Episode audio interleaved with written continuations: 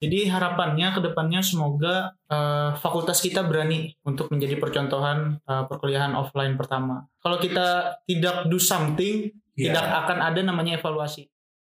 Sebutkan tiga kata untuk kuliah online versi kamu dong. Tiga kata untuk kuliah online, menyenangkan, mandiri, dan revolusioner. Ngantuk, sulit, sama tantangan. Asik dan menambah pengalaman mantap hajar sana. Um, bosan banget banget. Terus harapan untuk ke depannya apa Harapan saya untuk perkuliahan ke depannya adalah semoga apa pun keputusan terkait perkuliahan ke depannya telah melalui pertimbangan yang matang dan juga komprehensif, sehingga perkuliahan bisa berjalan secara efektif menyesuaikan dengan kondisi yang ada, termasuk e, mempertimbangkan jadwal maupun kebijakan yang tidak mempersulit mobilitas mahasiswa Universitas Lambung Mangkurat. Harapan untuk ke depannya semoga pandemi ini cepat berlalu dan semoga kita segera bertemu di kampus merah. Yeay! Harapannya sih ada kejelasan kita bagaimana terhadap kuliah online atau kuliah offline karena banyak banyak sekali mahasiswa ini yang bertanya apakah bulan ini kuliah offline atau bagaimana. Ditunggu kejelasannya itu yang pertama. Dan yang kedua ini sebagai tantangan bagi kita semua. Karena apa? Karena jujur perbedaan kuliah offline dan kuliah online itu sangat terasa sekali apalagi saat kita mendengarkan materi. Dan harapannya semakin kita berkembangnya zaman semakin kita bisa beradaptasi dengan zaman, jangan kalah dengan zaman. Kita yang mengalahkan oleh zaman tersebut. Selamat datang di podcast Peristiwa. Podcast kali ini bareng Yulia Nurhaliza dan Sultan Aulia. Di podcast kali ini kita akan membahas tentang keresahan mahasiswa dan dosen selama kuliah online. Iya, benar banget Sultan. Dan di sini kita udah bareng narasumber kita yang kayaknya udah siap banget buat ditanya Oke, langsung aja nih. Di sini ada Bapak Dr. Anang Sopan Tornado SH MHMKN. Gimana nih Pak kabarnya? Baik Pak? Baik, Assalamualaikum Mas Sultan dan juga Mbak Ica ya. Terima kasih sudah datang ya ke tempat kami ya. Alhamdulillah kabar kami sehat. Supaya kita lebih akrab nih Pak dalam podcast kali ini, Bapak apa ya? Boleh, Bapak boleh. Jadi, lebih formal atau Abang juga boleh. Saya kelihatan lebih muda. Nah, karena sudah kepala lebih dari Dan di sini juga sudah berhadir Ketua BEM Fakultas Hukum Universitas Mangkurat. Assalamualaikum Bang. Waalaikumsalam warahmatullahi wabarakatuh. Kabar Dan baik. Kami juga mengucapkan selamat atas terpilihnya menjadi Ketua BEM Fakultas Hukum periode 2021-2022. Ya, terima kasih. Oke ini kita langsung aja Pak. Pada 15 Maret 2020, Presiden Joko Widodo telah membuat kebijakan untuk belajar dari rumah bagi pelajar dan mahasiswa untuk mengatasi penyebaran COVID-19 yang kasusnya semakin parah. Salah satu isi kebijakannya kan dikeluarkan pemerintah yaitu untuk menunda seluruh kegiatan akademis dan non-akademis selama kurang lebih dua minggu. Terhitung dari 15 Maret 2020 sampai dengan sekarang. Jadi nih, menurut Bapak sebagai dosen, apa sih Pak keluh kesahnya atau memberikan pelajaran nih di kuliah online ini Pak? Nah, baik ya. Terima kasih Mas Sultan ya, Ica dan juga Ketua BEM yang kita banggakan ya, Bang Dika. Baik ya, pertanyaannya cukup baik ya, artinya cukup mewakili. Saya rasa semua orang juga kalau pertanyaan itu meresahkan, ya, itu pasti meresahkan. Tapi dalam hal ini kita harus menimbang, ada kepentingan yang lebih utama di situ yaitu kalau melihat karakternya ya wabah pandemi ini kan sangat menular. Jadi kalau misalkan kebijakan dari pemerintah memang mewajibkan kita untuk meniadakan ataupun mengurangi aktivitas di luar dan itu juga berimplikasi ya kan dengan uh, metode belajar yang dulunya tatap muka menjadi metode menggunakan online. Menurut saya ya, itu juga harus kita permaklum. Memang segala sesuatu perubahan itu mau tidak mau akan membuat kita beradaptasi ya ya kan? Dan kita tidak bisa menghindari yang namanya perubahan ya. Secara klasik sudah dikatakan bahwa yang abadi itu hanya perubahan ya. Jadi walaupun kita ini sebenarnya ya kalau pertanyaan resah atau tidak resah itu resah ya. Karena secara jujur ya ada sebuah adaptasi yang dipaksakan sebenarnya. Di mana dosen sendiri ya selaku pengajar itu dipacu dan dipaksa untuk cepat belajar ya mengenai metode online dan sebagainya. Oke lah dengan usia dosen yang menengah seperti seperti saya. Nah dengan dosen-dosen yang senior, nah kadang-kala perlu ekstra Ya. ya. Dan saya lihat selama setahun lebih ya menjalani ini, ternyata proses adaptasi itu berjalan dengan baik ya. Artinya dosen-dosen yang senior juga mau belajar mengoperasikan sistem dan sebagainya dan akhirnya bisa menjalankan kuliah online dan juga ujian skripsi ataupun tesis secara online. Dan kalau dari Bang Dika sendiri nih sebagai mahasiswa, keluh kesahnya selama kuliah online tuh gimana Bang? Bicara tentang keluh kesah, mumpung masih ada Bang Anang. Jadi banyak sekali Bang eh, keluh kesah dari mahasiswa. Pertama tentang efektivitas, kedua tentang pemahaman dan lain sebagainya, ketiga tentang kendala. Masalah efektivitas eh, mahasiswa sebenarnya eh, nggak semua mahasiswa bisa cepat mengerti dan memahami materi ketika pelajaran itu disampaikan secara online, Bang. Terus masalah apa tadi? Yang pertama apa? Keluh kesah. Iya, keluh kesah. Nah, jadi mahasiswa ini keluh kesahnya ya seperti yang kita tahu kuota. Kuota ya. Iya, kuota ini eh, memang pemerintah membagikan, tapi sayangnya tidak terbagi rata. Ada beberapa mahasiswa yang tidak terbagi, Bang. Iya. Iya, dan ini sudah kita apa namanya advokasikan sampai sekarang mahasiswa masih belum dapat semuanya tentang kuota ini. Terus masalah kendala, dulu saya waktu Maret kalau nggak salah pernah nulis bang, nulis tentang eh, dilema anak perantauan saat COVID-19. Nah jadi perbedaan antara mahasiswa asli sini sama mahasiswa perantauan tuh beda ketika melaksanakan perkuliahan ini. Apalagi waktu itu mahasiswa yang perantauan dilarang pulang, dilarang pulang kampung ya kan? Hmm. Nah waktu itu. Dan itu menjadi permasalahan juga untuk mahasiswa perantauan. Pertama untuk cari makan, Betul. untuk cari kuota. Nah itu, jadi banyak sekali permasalahan-permasalahan yang sebenarnya perlu diperhatikan sama pemerintah atau apalagi sama dosen supaya lebih mengerti. Dan beberapa cerita dari teman saya juga, bang. Jadi waktu itu ujian apa namanya ujian apa ujian akhir ya was server down katanya. Dan ada beberapa dosen yang tidak mau mengerti dengan situasi seperti itu dan akhirnya nilainya rendah. Nah itu sebenarnya saya sangat menyayangkan hal itu terjadi. Ya kurang lebih seperti itu. Oke nih Pak, pertanyaan Hmm. selanjutnya nih. Pernah nggak Bapak menemukan mahasiswa selama kuliah online nih Pak, melakukan aktivitas lain selain kuliah? Misalnya tadi seperti makan, rebahan, sambil main game, atau bahkan sambil kerja Pak, karena tuntutan ekonomi, karena efek dari pandemi Pak. Baik ya, Mas Sultan ya pertanyaannya bagus ya. Jadi kalau yang saya tangkap di layar monitor ya, memang kegiatan mahasiswa itu tidak hanya menatap ya, menatap layar komputer. Saya lihat ada juga yang nyetir ya, Ya. nyetir ada juga ya, ada juga lagi jaga toko, ada juga saya lihat ya. Nah menurut saya sih bagaimana ya, artinya kalau kita perbandingkan kita komparasi dengan kuliah normal, ya memang hal itu tidak tidak diperbolehkan memang seharusnya normatifnya ya memang harus memperhatikan di layar ya. Tapi dalam kembali lagi ya, ini kan bahasanya itu kalau boleh dikatakan dalam bentuk perjanjian itu adalah keadaan majeure atau permah Ya. gitu ya, keadaan memaksa. Bang Dika mungkin paham akan hal Iya. itu. Nah, jadi eh, kita dalam hal ini harus bisa mempermaklumkan ya, karena mungkin ada semacam kejenuhan ya, kejenuhan dari mahasiswa dan juga seperti yang disampaikan oleh Mas Sultan tadi, ada yang tuntutan ekonomi menjadikan mereka itu harus multitasking gitu kan. Salah satunya bekerja, salah satunya juga untuk mengikuti perkuliahan. Jadi untuk saya sendiri, saya pribadi sendiri ya, saya itu orangnya mencoba menempatkan diri saya kepada si mahasiswa. Jadi jadi berempati gitu. Saya memang memahami perbedaan yang sangat signifikan ya ketika mengajar secara online dengan offline itu sangat berbeda ya. Nuansanya itu, transfer knowledge-nya itu tidak terjadi sebenarnya ataupun minim gitu kan. Dan juga mungkin dirasakan oleh mahasiswa ya bagaimana cara mengerti dan sebagainya. Karena feel mengajar itu ya itu akan didapatkan ya karena sudah terbiasa dengan pola yang baku perkuliahan itu tetap muka ya. Saya jadi dosen ini sejak tahun 2005 ya hampir 15 tahun kan. Mengajar ya tetap muka gitu loh. Ketika online itu ya feel-nya tidak dapat. Nah tapi kembali lagi karena keadaannya ini bisa dikategorikan cross mayor atau format mau tidak mau harus jalan ya kan apa pun perilaku mahasiswa ya yang yang tertangkap di layar kalau menurut saya ya dosen harus berjuang besar karena dosen itu filosofinya adalah pendidik ya kan? Ya. bahasanya seperti ini ya. Kalau tidak mau direpoti mahasiswa jangan jadi dosen.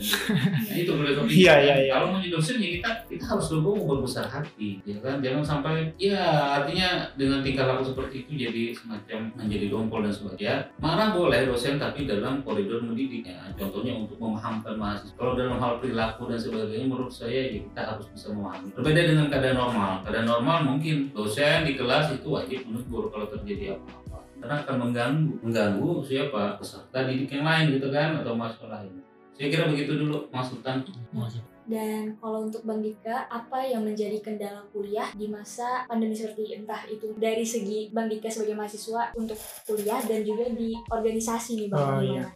pandemi ya Pak. Ya memang kawan-kawan sini semestinya memahami bagaimana menjalankan roda organisasi di tengah pandemi. Mulai dari kesulitan berkegiatan, kesulitan eh, mencari dana dan lain sebagainya. Dan yang menjadi masalah adalah ketika mahasiswa itu menjalankan roda organisasi yang serba sulit sambil menjalankan kuliah. Nah, itu yang jadi masalah juga. Dan menanggapi kata Bang Anang tadi perihal jenuh, ya mungkin organisasi ini obat kejenuhan buat kami dari mahasiswa ini, Bang. Jadi mungkin saya harap dosen-dosen memaklumi ketika ada hal-hal yang tidak berkenan. Memang seharusnya tidak terjadi jika itu offline ya Bang ya. Tapi ketika ini online, artinya ada hal yang kami usahakan untuk mengobati kejenuhan itu sendiri. saya sependapat itu apa yang disampaikan Bang Dika ya. Jadi memang manusia itu kadang-kadang ya perlu semacam apa ya?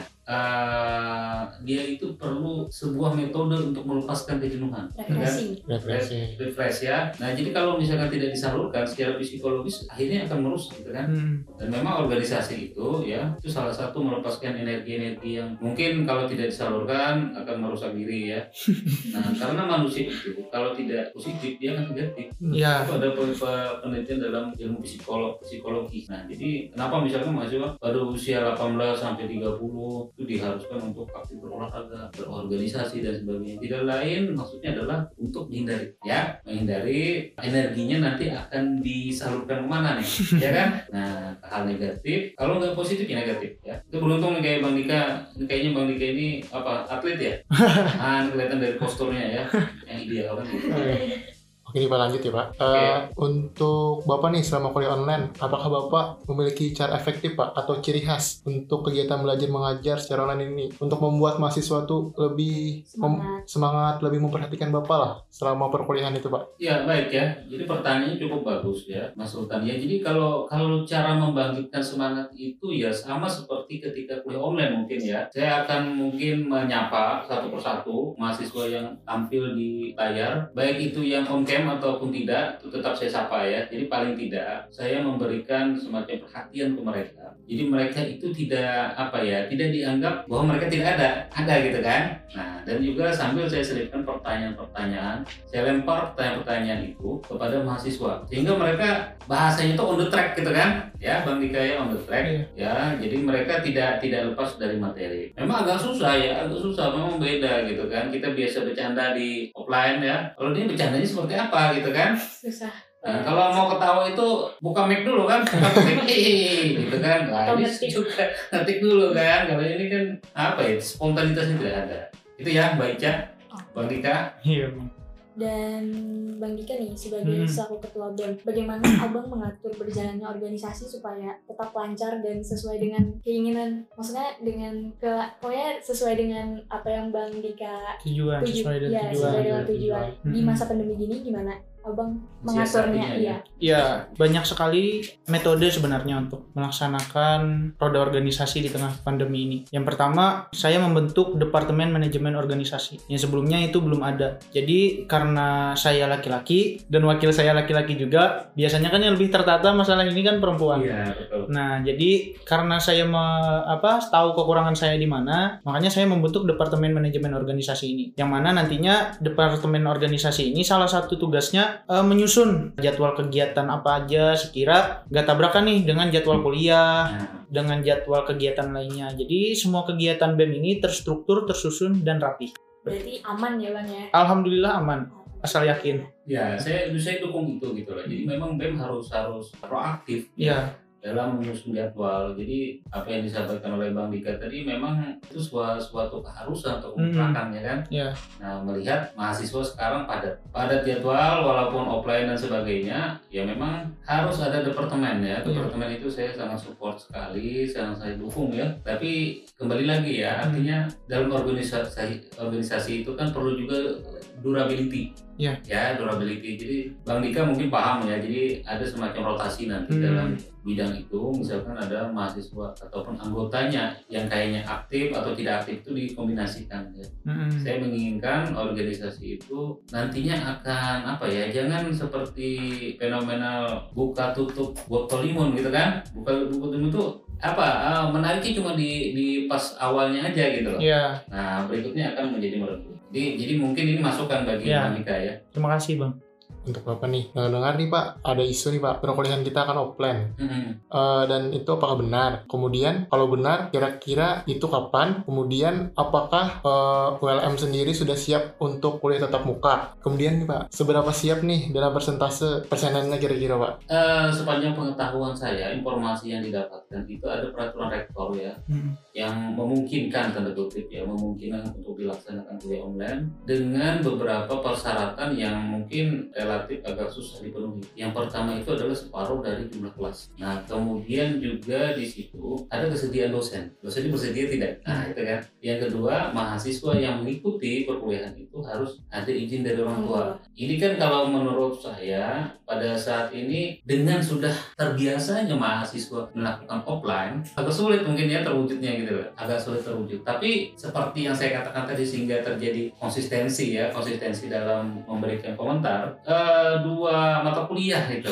Satu minggu itu dua kali masuk nggak masalah. Ada percontohan yang mana percontohan itu saya menginginkan itu bentuknya kombinasi antara offline Dengan ya, online. dengan online ya. Karena apa? Karena ini untuk menumbuhkan ya feel-nya atau suasana belajar dan mengajar. Ya interaksi benar itu ya. Interaksi antara dosen dengan mahasiswa. Jadi maksimal gitu loh maksimal dan mahasiswa pun akan menjadi sangat bersemangat nantinya. Saya takutnya begini. Kalau angkatan 2019 ya mereka sudah merasakan bagaimana pahit getirnya PKKM gitu, dan juga kuliah seperti biasa mengejar waktu dan sebagainya. Nah, untuk masuk 2020 dan 2021 nah ini kan menjadi sebuah satu hal yang dilematis gitu kan harus merasakan feel itu gitu. walaupun Sekali. iya sesekali dengan pembatasan karena begini logikanya adalah ketika kegiatan seminar bisa dilaksanakan di hotel ya kan kenapa di kampus tidak Kan Iya, gitu. iya, itu sepakat. logika kan Betul pak. Nah, as- artinya asal disiplin, protokol kesehatannya dijalankan, 3M-nya dijalankan. Nah, itu itu saja yang yang mungkin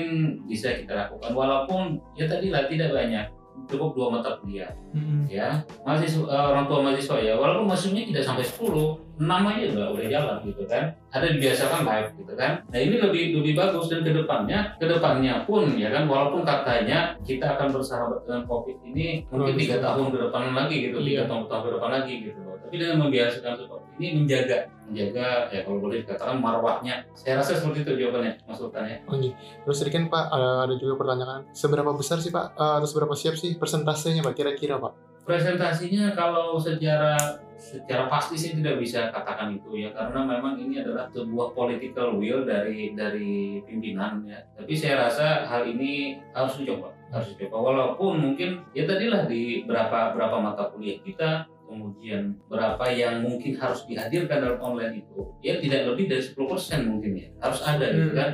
Jangan 0% gitu kan 10% Setidaknya lah mencoba ya. Daya. Iya, paling ada percontohan. Sehingga nanti bisa dilihat dan bisa dievaluasi. Jadi setiap eh, mungkin Bang Dika ya, Iya. ada melakukan kegiatan dan sebagainya, itu pasti tidak lepas dari namanya ANEP kan, ANEP ya. Jadi ada semacam evaluasi di situ kan. Nah, jadi bagaimana kita bisa mengukur, bagaimana kita bisa menilai kalau tidak pernah dicoba. Iya. Nah, jadi coba dulu, nanti kita bisa bisa ukur ini efektif atau tidak, Hmm. ya kan? Nah, mungkin dalam lingkungan ini anak-anak organisasi kan sudah biasa nih, sudah biasa keluar dan sebagainya. Bisa bekerja sama dengan BM, BM memfasilitasi surat izinnya dan sebagainya, ya kan? Hmm. Ini kan diberdayakan nih, ini kan orang-orang yang tanda kutip, orang-orang organisasi itu tanda kutip orang-orang yang wangi hangit kan. Nah, kapan pun, anytime itu ready for use kan. Nah, ready to combat kan. Jadi kapan aja bisa. Nah, jadi diberdayakan kalau mau gitu untuk ma- menggalang mahasiswanya, BEM gunakan energi-energi muda, darah-darah muda ini kan harus dimaksimalkan sebenarnya Hmm. Ya kan? Nah, tapi dengan tidak melupakan syarat-syarat yang telah dikeluarkan oleh rektorat. Jadi apa pun Iya. izin dan sebagainya, gitu ya. Eh, kemudian nih Pak, ada pertanyaan lagi nih. Kan ya seluruhnya mahasiswa tuh memiliki ekonomi yang merata loh Pak. Hmm. Ada mahasiswa yang ekonomi ke bawah. Eh, ibaratnya tuh kan kita semua ini kan di zaman sekarang ini pakai laptop loh Pak. Hmm. Kemudian ada juga yang pakai HP nih. Tapi kan di bahasanya orang milenial tuh HP itu HP kentang gitu loh Pak. Hmm. Iya. Tanggung. Iya, kayak misalnya di bawah rata-rata lah Hmm. HP-nya. Itu tuh dari pihak mahasiswa nih, dari Abang Bang Dika nih sama Pak Anang nih. Eh, gimana sih Pak fakultas tuh memberikan bantuannya gitu loh? Pak? Hmm, gitu. Tanggapannya lah gitu. Baik, Bang Dika dulu mungkin. Ini eh, permasalahan orang banyak sebenarnya kan. Memang harus dipikirkan solusinya seperti apa. Yaitu tadi balik lagi ke metode pembelajaran sebenarnya. Sekarang mahasiswa tidak bisa eh, mengharapkan ilmu cuma dari dosen sebenarnya, Bang. Jadi mahasiswa ini dituntut untuk mandiri mencari ilmu di lain. Jadi semisal memang ada permasalahan di fasilitas, memang sangat sulit dan itu kalaupun dia memang berusaha ingin belajar mungkin kerja nabung beli HP tapi ya itu tadi eh, semisal ada situasi di mana eh, mahasiswa itu tidak bisa memaksakan untuk membeli HP saya harap dosen memaklumi situasinya seperti itu itu aja Oke, baik ya.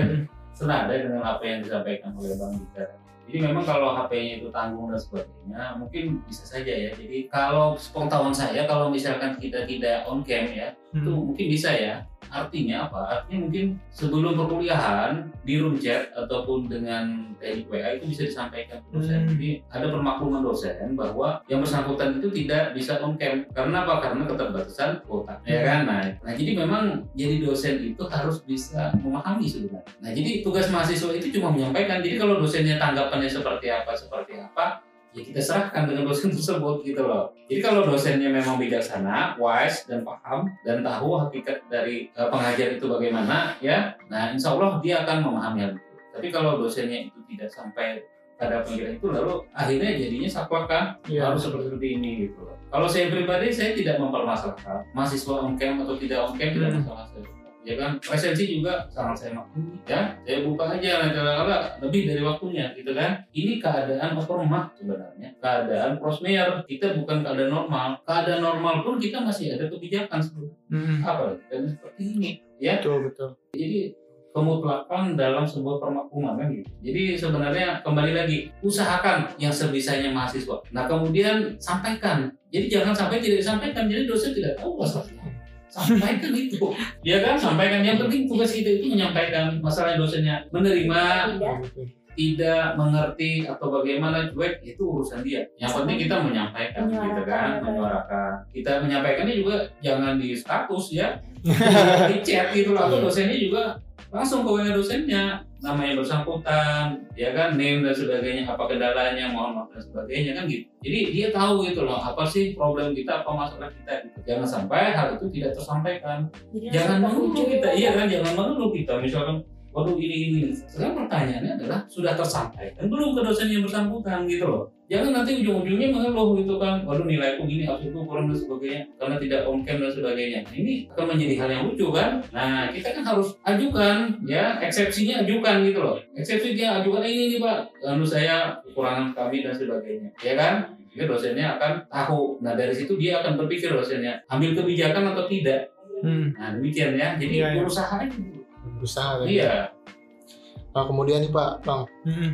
ini kan dengar-dengar tadi kata Abang tadi ada bantuan paket paket internet gratis kan kuota. Terus nih di angkatan 2020 nih banyak yang belum dapat kuota paketnya nih Bang. Iya. Itu sendiri nah belum dapat. iya. Iya. Itu gimana tuh Bang mendengar Hmm. kabarnya tuh atau dari Menanggapinya. Bapak nih Iya. mendengar Ya, kabarnya. Bang Dika dulu sekarang. Iya iya. Memang sangat disayangkan. Cia belum dapat. Belum dapat. Sama Sultan sama Dari saya juga awal. belum dapat Dari awal. dari awal. Dan sampai sekarang bu saya belum tahu alasan konkretnya apa. Oh, iya. Nah, ini permasalahan untuk kita semua dan lagi-lagi semoga dengan podcast ini pemerintah mendengar langsung ya kan. Iya. Amin. Semoga sampai.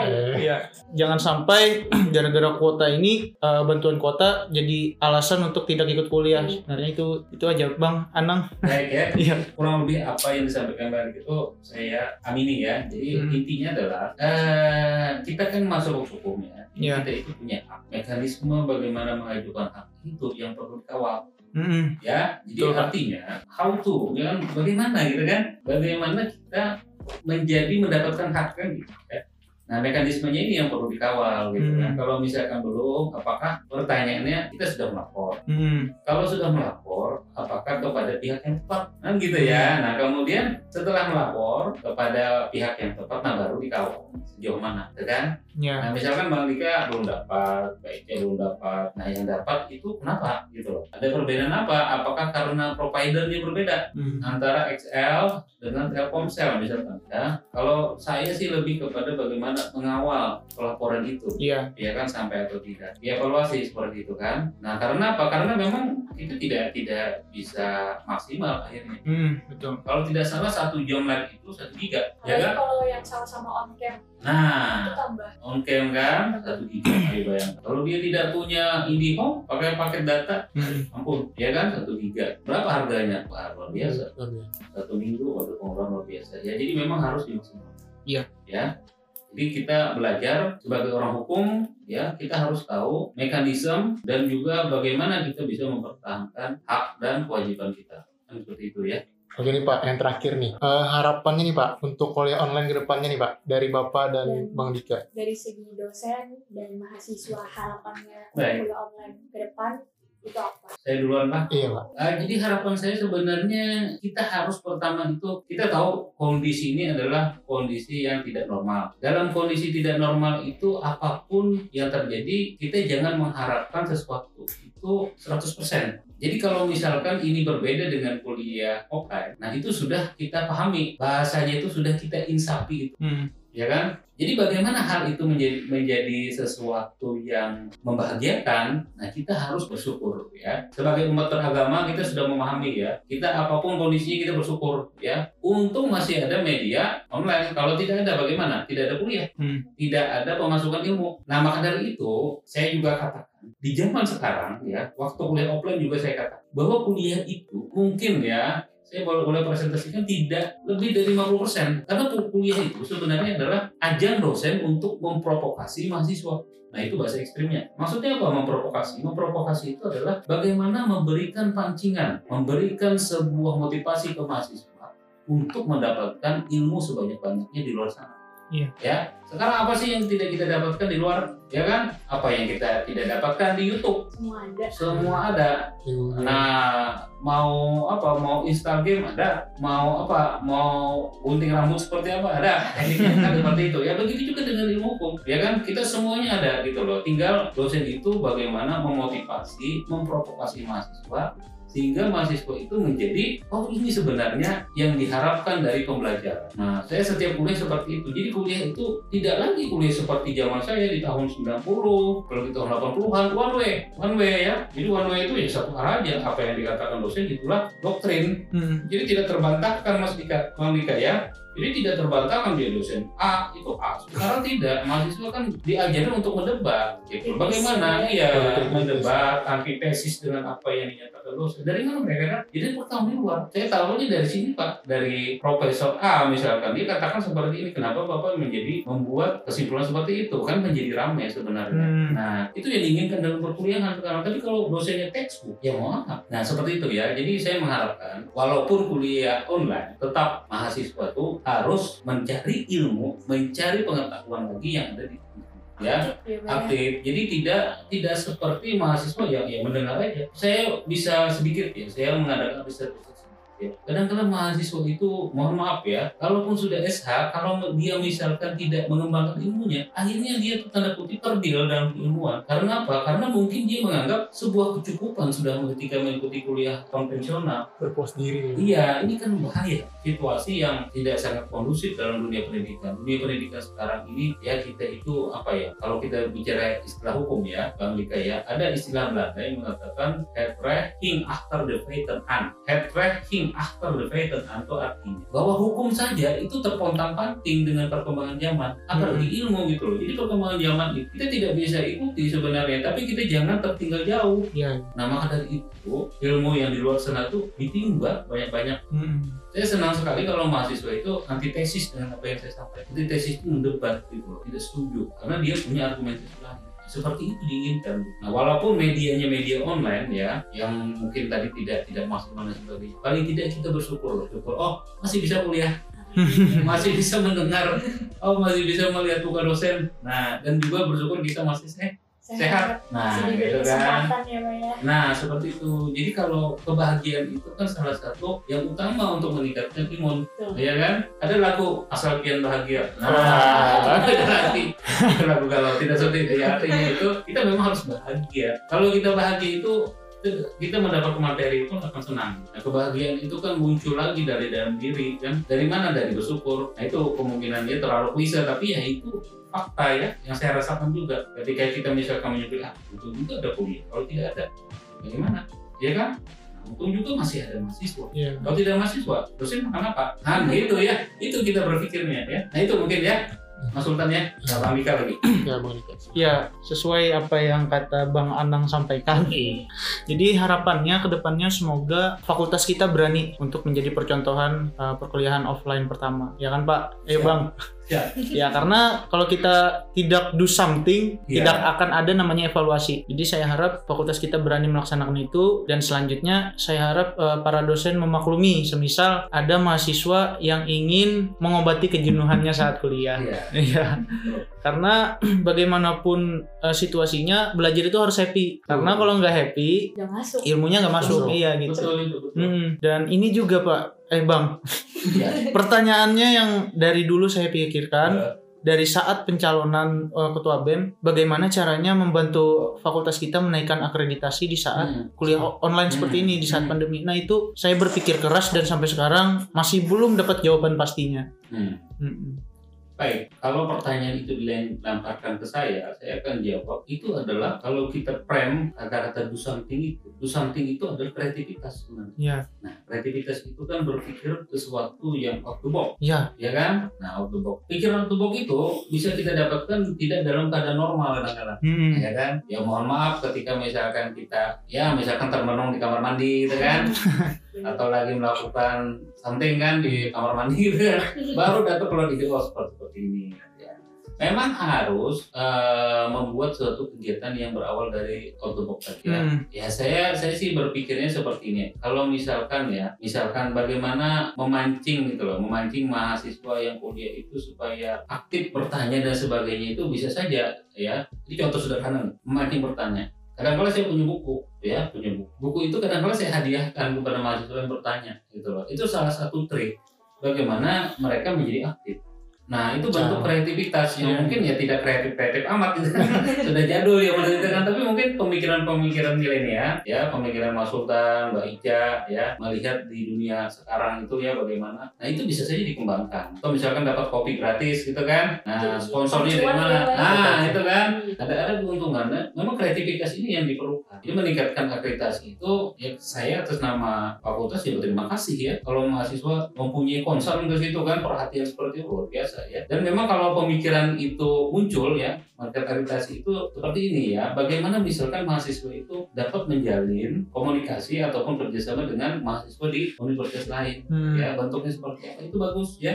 Itu ada nilai akreditasinya nah saya rasa pemikiran-pemikiran tanda kutip liar dari mahasiswa itu harus segera diinventarisir ya. Iya. itu salah satu bentuk kreativitas. Jadi misalkan apa nih segila-gila apa pun segila apa pun seliar apa pun pemikiran seorang mahasiswa itu itu harus diinventarisir Hmm. Nah, di situ nanti dipilah mana yang paling aplikatif atau paling paling bisa diterapkan gitu loh. Nah, itu bisa nanti di di apa diserahkan draftnya Iya, ke dekanan. Hmm. Ya. Nah, saya kayaknya karena faktor usia jadi tidak begitu liar pemikirannya.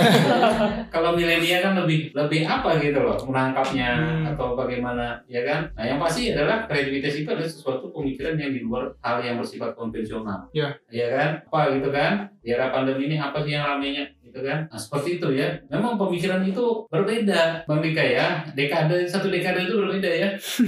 Lima tahunnya ke belakang kan berbeda. Iya. nah dulu tidak ada fenomena mungkin lima tahun yang lalu fenomena endorse. Sekarang ada fenomena endorse. Iya. ya kan? Influencer. Ya, tidak begitu YouTube juga tidak begitu banyak 2014 ya tidak masih karena jaringan juga masih leret sekarang kenapa rame influencer dan sebagainya karena fasilitas ya kan youtuber juga bagus seperti itu ya dan juga perlu perlu diingat bahwa di universitas ya sudah punya namanya ULM channel Hmm. Nah, itu nanti mungkin ya, saya juga bagian dari itu. Nanti akan bekerja sama dengan Bang Dika untuk mengembangkan itu ya. Iya. Jadi konten-konten dari mahasiswa kita bisa kolaborasi di situ kan. Asik sih. kan. Asik, asik, asik. Iya, jadi jadi bagus itu ya nanti ada podcastnya juga ya, jadi mas nah saya menginginkan ya jadi energi energi muda seperti kalian itu jangan tanda kutip apa ya berhamburan secara percuma gitu kan tanpa tertampung Harus ya kan? dikembangkan ya. harus dikembangkan dengan kegiatan organisasi hal-hal yang kegiatan olahraga ya kan? Nah seperti ini juga. Karena apa? Karena kegiatan reportase podcast dan sebagainya itu adalah untuk mempertajam sebenarnya ya kan? Teknik berbicara dengan seperti ini kan akan terasa ya? Bayangkan kalau mahasiswa tidak ikut RPF tidak ikut seperti ini ya saya aku yakin aja beda dengan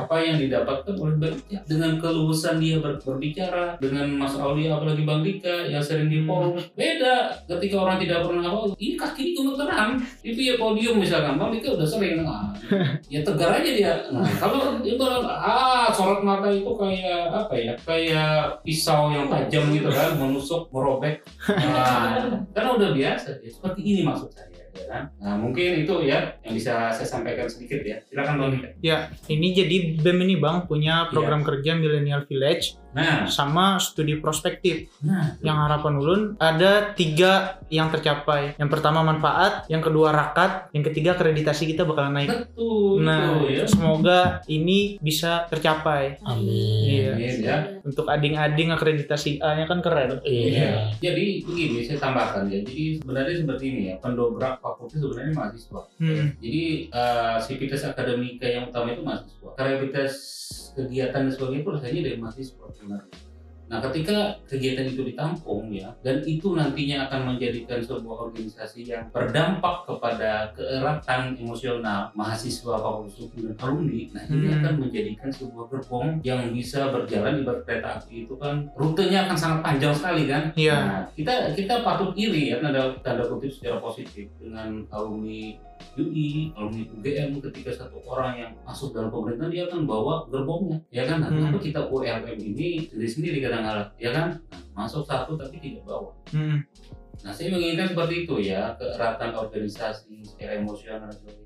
Ini bisa nanti mengangkat mahasiswa fakultas 6, ULM ya, ulang ini jadul. Gitu. ULM ya. Nah ini nanti bisa ya bisa nanti memperarat dan juga membawa gerbongnya gitu loh. Hmm. Contoh nyata begini, ketika saya misalkan dapat proyek nih, membuat atau menata perusahaan secara legal. Nah saya tahu di sini ada yang bisa eh, bahasa Inggrisnya oke gitu loh. PR-nya bagus. Siapa? Oh ternyata Mbak Ica. Nah Mbak Ica saya rekrut. Saya ngapain? Karena saya kenal dengan Mbak Ica. Ngapain saya dengan misalkan dengan si Mbak X atau Mbak Y kan? Saya kenal. Saya kenal loh. Nah itulah salah satu contoh pentingnya networking, pentingnya kata Bang Dika tadi rakat. Nah, kenal, karena kenal itu ya, makanya dalam agama itu kenapa silaturahmi itu memperbanyak rezeki karena itu ya karena kenal, tahu oh ini bisa ini, ini komunikasi bagus, oh ini bisa IT, oh ini bisa mengedit konten, ya ini bisa, nah ini akan dipanggil mas itu ya. Jadi tidak hanya sekedar ilmu, saudara kejar misalkan IPK 3,98 ya, tapi komunikasi kurang.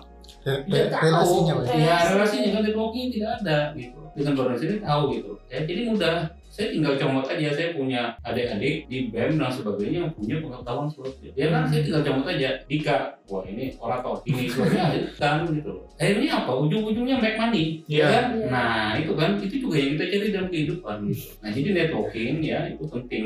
Salah satunya apa yang digagas oleh Bang Dika selaku ketua sangat saya apresiasi dan sangat saya support. Mungkin ya. Iya, makasih Bang. Hmm. Oke, terima kasih Pak sebelumnya sudah mau menyempatkan waktu dan Bang Dika sudah mau menyempatkan waktu untuk mengisi podcast peristiwa kali ini. Eh, jadi kami Sultan, Dan Yuliana Khaliza, kami undur diri dan sampai jumpa di podcast peristiwa selanjutnya. Terima kasih. Assalamualaikum warahmatullahi Assalamualaikum. wabarakatuh.